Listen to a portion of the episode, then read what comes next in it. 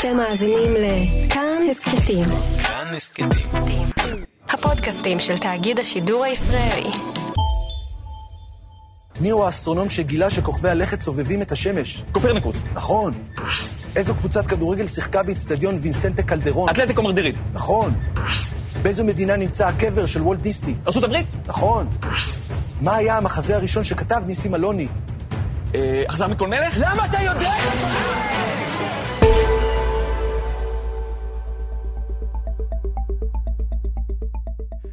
שלום, אני איתי הרמן. במשך שנים רבות עבדתי כיוצר משחקים ושעשוני טלוויזיה. מאז גיל 24 ועד היום כתבתי וערכתי מעל 60 אלף שאלות. חלקם שודרו בשעשועונים המצליחים ביותר בטלוויזיה הישראלית כמו גלגל המזל, מי רוצה להיות מיליונר, אחד נגד 100 ולעוף על המיליון. מאז שהתחלתי לעבוד היה לי חלום קטן, שיום אחד אשתתף אני בשעשועון. אבל לא יכולתי. זה היה אסור, כי אני זה שכתב את השאלות. פתאום בגיל 46 קיבלתי הזדמנות להשתתף בשעשועון טריוויה. לא יכולתי לצפות שהגשמת החלום הקטנטן הזה תשנה את חיי לכיוון כל כך אחר. הוא המאסטר של עולם הטריוויה הישראלי, הוא כתב וערך את השאלות של כל השעשועונים הגדולים בישראל ב-25 השנים האחרונות, והוא יודע כמעט הכל על הכל. קבלו את הצ'ייסר, איתי הרמן! מהרגע שהתיישבתי על כיסא הצ'ייסר, התחלתי לראשונה בחיי לענות בטלוויזיה, בעצמי, על אלפי שאלות טריוויה שלא אני כתבתי, אלא מישהו אחר. לא הייתה לי שום בעיה לענות על השאלות באולפן. הצלחתי לענות על כמעט כל השאלות, אבל כשיצאתי מהאולפן, התחילו להציק לי כל מיני שאלות שלא הייתי בטוח איך לענות עליהן. בהתחלה אלה היו שאלות ששאלו אותי ברחוב, צופים שראו אותי בטלוויזיה. ומיד אחר כך, גם אני התחלתי להציק לעצמי, באותן שאלות. איך אני יודע, זוכר ולומד כל כך הרבה דברים? יצאתי למסע אישי, לנבחי המוח שלי, כדי לנסות להבין את עצמי ולתת לי ולכם תשובות. מההתחלה הבנתי שאני לא חוקר רק את עצמי, אלא את המוח האנושי וההתנהגות האנושית בכלל. מאז שיצאתי למסע אני צובר עוד ועוד תובנות. עכשיו אני רוצה לשתף אתכם בתובנות שלי, כי הן נוגעות לא רק לי, אלא גם לכם. השעשועון האחרון שאני משתתף בו בכאן חינוכית, מסמן נקודת תפנית נוספת בחיי. הפעם, אני גם יוצר של המשחק וגם מופיע מול המצלמה. אבל חשוב מזה, אני משלב בו תובנות מהמסע שהתחיל שנתיים לפני כן, לגבי האופן שבו המוח שלנו זוכר מידע, שחלקו נלמד בזמן האחרון, וחלקו נלמד לפני עשרות שנים. הגיע הזמן לספר גם לכם, איך אני יודע, לומד וזוכר כל כך טוב. מה המנגנונים שמייצרים את הזיכרון הטוב שלי? איך אני מבין אותם? מה ההסברים המדעיים שמאחוריהם?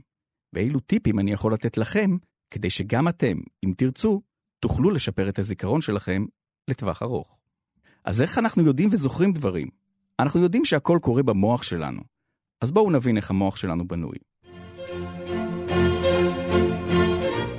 אנחנו יודעים להגיד שהמוח שלנו מלא במאות מיליארדים של תאי עצב קטנים שנקראים נוירונים. הנוירון הוא כמו מקום, נקודת ציון על מפה, או צומת אחת בעיר הענקית שיש לנו במוח. הנוירונים האלה אחראים על תפיסה, למידה, התנהגות וזיכרון. וכשאנחנו לומדים משהו חדש, כמו איך להשתמש באפליקציה חדשה, מילה חדשה, מי הנציג הבא של ישראל באירוויזיון, או איך להגיע למקום עבודה חדש, נוצר קשר חדש בין שני נוירונים במוח. זה לא קשר מטאפיזי, אלה מולקולות אמיתיות שמחברות את הנוירונים במעין זנב שמחבר ביניהם. הזנב הזה נקרא סינפסה. הסינפסה היא כמו כביש שמחבר בין שני מקומות בעיר. ככל שנחזור על המידע או ההתנהגות החדשה יותר ויותר פעמים, הקשר מתהדק, הסינפסה מתעבה, הכביש מתחזק. אם נחזור על מילה חדשה הרבה פעמים, נלמד אותה. אם ניסע הרבה פעמים למקום עבודה חדש, לא נצטרך להתאמץ ולהיזכר מה הדרך. השינון, החזרתיות על המידע, מעבה את הסינפסה, ויהיה קל יותר לזכור את המידע ולשלוף אותו מהר. אבל השינון זה החלק הכי פחות מעניין כאן. הוא גם הכי פחות חשוב. אנחנו יודעים שבין שני נוירונים יכולים להיות קשרים דרך סינפסות מכל מיני כיוונים. הנוירונים במוח יוצרים רשת סבוכה, ויש יותר מדרך אחת להגיע מנוירון לנוירון, ממש כמו שאפשר להגיע מירושלים לחיפה ביותר מדרך אחת. הנקודה החשובה היא שככל שיש יותר קשרים בין שני נוירונים ומכיוונים שונים, ההיזכרות במידע אפקטיבית יותר. אנחנו זוכרים לטווח ארוך יותר, ושולפים את המידע מהר יותר. וזה הגיוני. אם תדעו להגיע לעבודה ביותר מדרך אחת, תוכלו לאלתר ולהגיע בזמן, גם אם יש פתאום פקק בדרך שהלכתם בה בפעם הראשונה. ההסבר הזה מתאר מה שקורה לי בראש הרבה פעמים כשאני עונה על שאלות. זה מזכיר לי בעיקר מקרה שקרה בפרק הרביעי שצילמנו במרדף, ממש בתחילת העונה הראשונה של התוכנית. אבל לפני כן, אני רוצה לקחת אתכם כמה שבועות אחורה, לרגע שבו נחשפתי לפרט מידע מדהים. הדוגמנית שיר אלמליח נפרדה מהכדורגלן אלרועי כהן.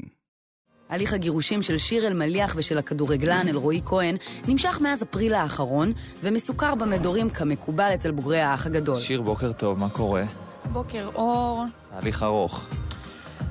כן, כן, כן, אבל הכל בסדר. מיד לאחר שנחשפתי למידע, עפפה אותי תחושה נבואית חזקה. עומדים לשאול אותי במרדף על שיר אלמליח ואלרועי כהן, ואני בטוח שאני אתבלבל ולא אדע לענות. החלטתי שאני רושם את המידע הזה על דף, שבו אני רושם דברים שאני רוצה לזכור לקראת הצילומים. מפעם לפעם הייתי מציץ בדף הזה, משנן ומפנים פרטי מידע, כמו אילו קבוצות כדורגל מאירופה זכו באליפות בשנה שעברה, מי הם השרים המכהנים היום בממשלת ישראל וכן הלאה. בכל פעם שהייתי מגיע לשורה של שיר אלמליח, הייתי מסתיר את שמו של אלרועי כהן ומנסה להיזכר בשמו. ללא הצלחה. והנה, מגיע יום הצילומים השני של המרדף. מרדף הגמר. מצבי יחסית טוב, יש יותר מדקה לסיום, ונותר לי לענות על עוד שבע שאלות. ואז, כמובן, מגיעה השאלה הבאה. עם איזה כדורגלן התחתנה הדוגמנית אילנה ברקוביץ'. כאן אולי המקום לספר שהשאלה מופיעה מולי על מסך, ובדרך כלל אני מספיק לקרוא אותה לפני שעידו המנחה מסיים להקריא אותה. אגב, למי שתוהה, גם למתחרים שלי יש מסך כזה בסיבוב הגמר. הרבה פעמים אני רוצה להתפרץ כמה שיותר מהר עם התשובה הנכונה, אבל אני צריך להקפיד על ההנחיה לחכות שעידו יסיים להקריא. מזל, כי אפילו כשאני קורא מהר מאוד, המוח קולט בהדרגה את המידע מהעיניים, וברגע שזיהיתי שהשאלה מתייחסת לכדורגלן שהתחתן עם דוגמנית, הוא מיד הקפיץ לי לתודעה את אלרועי כהן. תוך רגע הבנתי שהשאלה מתייחסת לאילנה ברקוביץ' ולא לשיר אלמליח. אמרתי לעצמי, זה לא אלרועי כהן, אלרועי כהן, צא. אבל הוא לא רצה לצאת לי מהמוח. מסתבר שהשינון עבד הרבה יותר טוב מהמתוכנן, ועצם האזכור של דוגמנית וכדורגלן הקפיץ לי ברגע האמת דווקא את אלרועי. הייתי מתוסכל. השניות חלפו, ואלרועי כהן עדיין תקוע לי בראש. נותרה פחות מדקה. עידו הציע זרוק שם, זרוק שם. אבל לא רציתי לוותר. התסכול אצלי גבר, כי אני זוכר טוב את אילנה ברקוביץ'.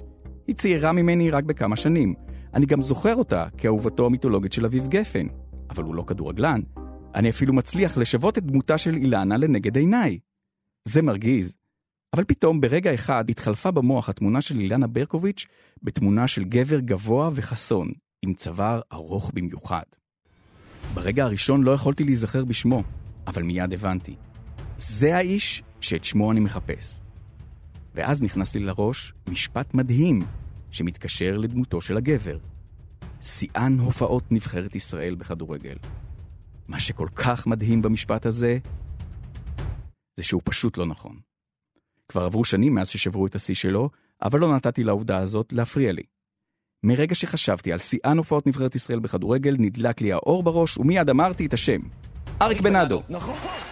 לקח לי עשר שניות לענות נכון על השאלה הזו, והיא לקחה אותי לסיבוב ארוך בנפתולי המוח שלי.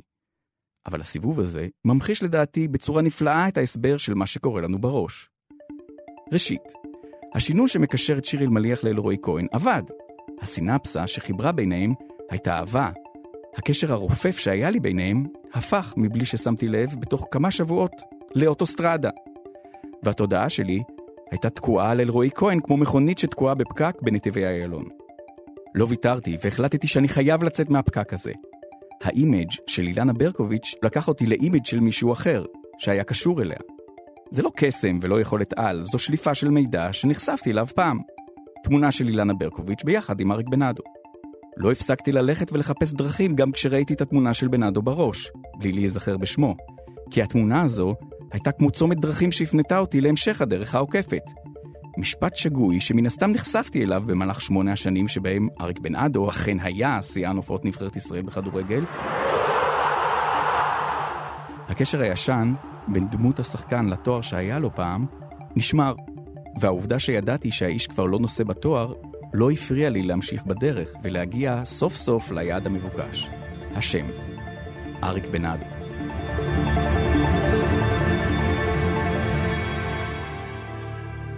זו המחשה מצוינת עבורי, לדרך שבה יצירת הקשרים מסוגים שונים לכל מיני פריטי מידע עוזרת לנו לזכור טוב. וזהו הטיפ הראשון והחשוב ביותר שלי. כשלומדים משהו חדש, נסו למצוא כמה שיותר הקשרים מסוגים שונים. נסו לדמיין מראה, אספו פריטי מידע שונים שקשורים אליו, תייצרו כמה שיותר הקשרים. טיפ חשוב נוסף, כשאתם מתקשים להיזכר במשהו, תנו לעצמכם להסתובב בדרכים המוזרות שיש לכם במוח. נתקעתם? אל תיתנו ברקס, ואל תוותרו כל כך מהר. תסתכלו מסביב, נסו דרכים חלופיות. וטיפ אחרון קטן. כשאתם נוסעים במכונית או הולכים ברגל ואתם כבר יודעים לבד איך להגיע ממקום אחד למקום אחר, נסו להגיע ליעד שלכם בכל פעם בדרך קצת אחרת. לא משנה איך, תשתדלו לגוון. אני אישית מקפיד על זה בכל פעם שאני יכול. באופן כזה, אתם מאמנים את המוח לחוות דברים חדשים. ואם תהיו אי פעם בפקק בדרך ליעד, ההיכרות שלכם עם הסביבה יכולה לעזור לכם להצליח להגיע ליעד אפילו מהר יותר מווייז. המסלול מוכן, התחל בנסיעה.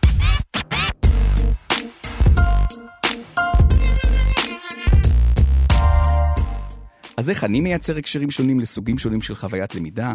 ומה אתם יכולים ללמוד מזה? בשביל זה אתם חייבים להקשיב גם לפרקים הבאים של ההסכת, הפודקאסט משחקי המוח. ולסיום תודה למפיק הראשי רום אטיק, למפיקה ולעורכת ירדן מרציאנו, אני איתי הרמן הצ'ייסר, להתראות.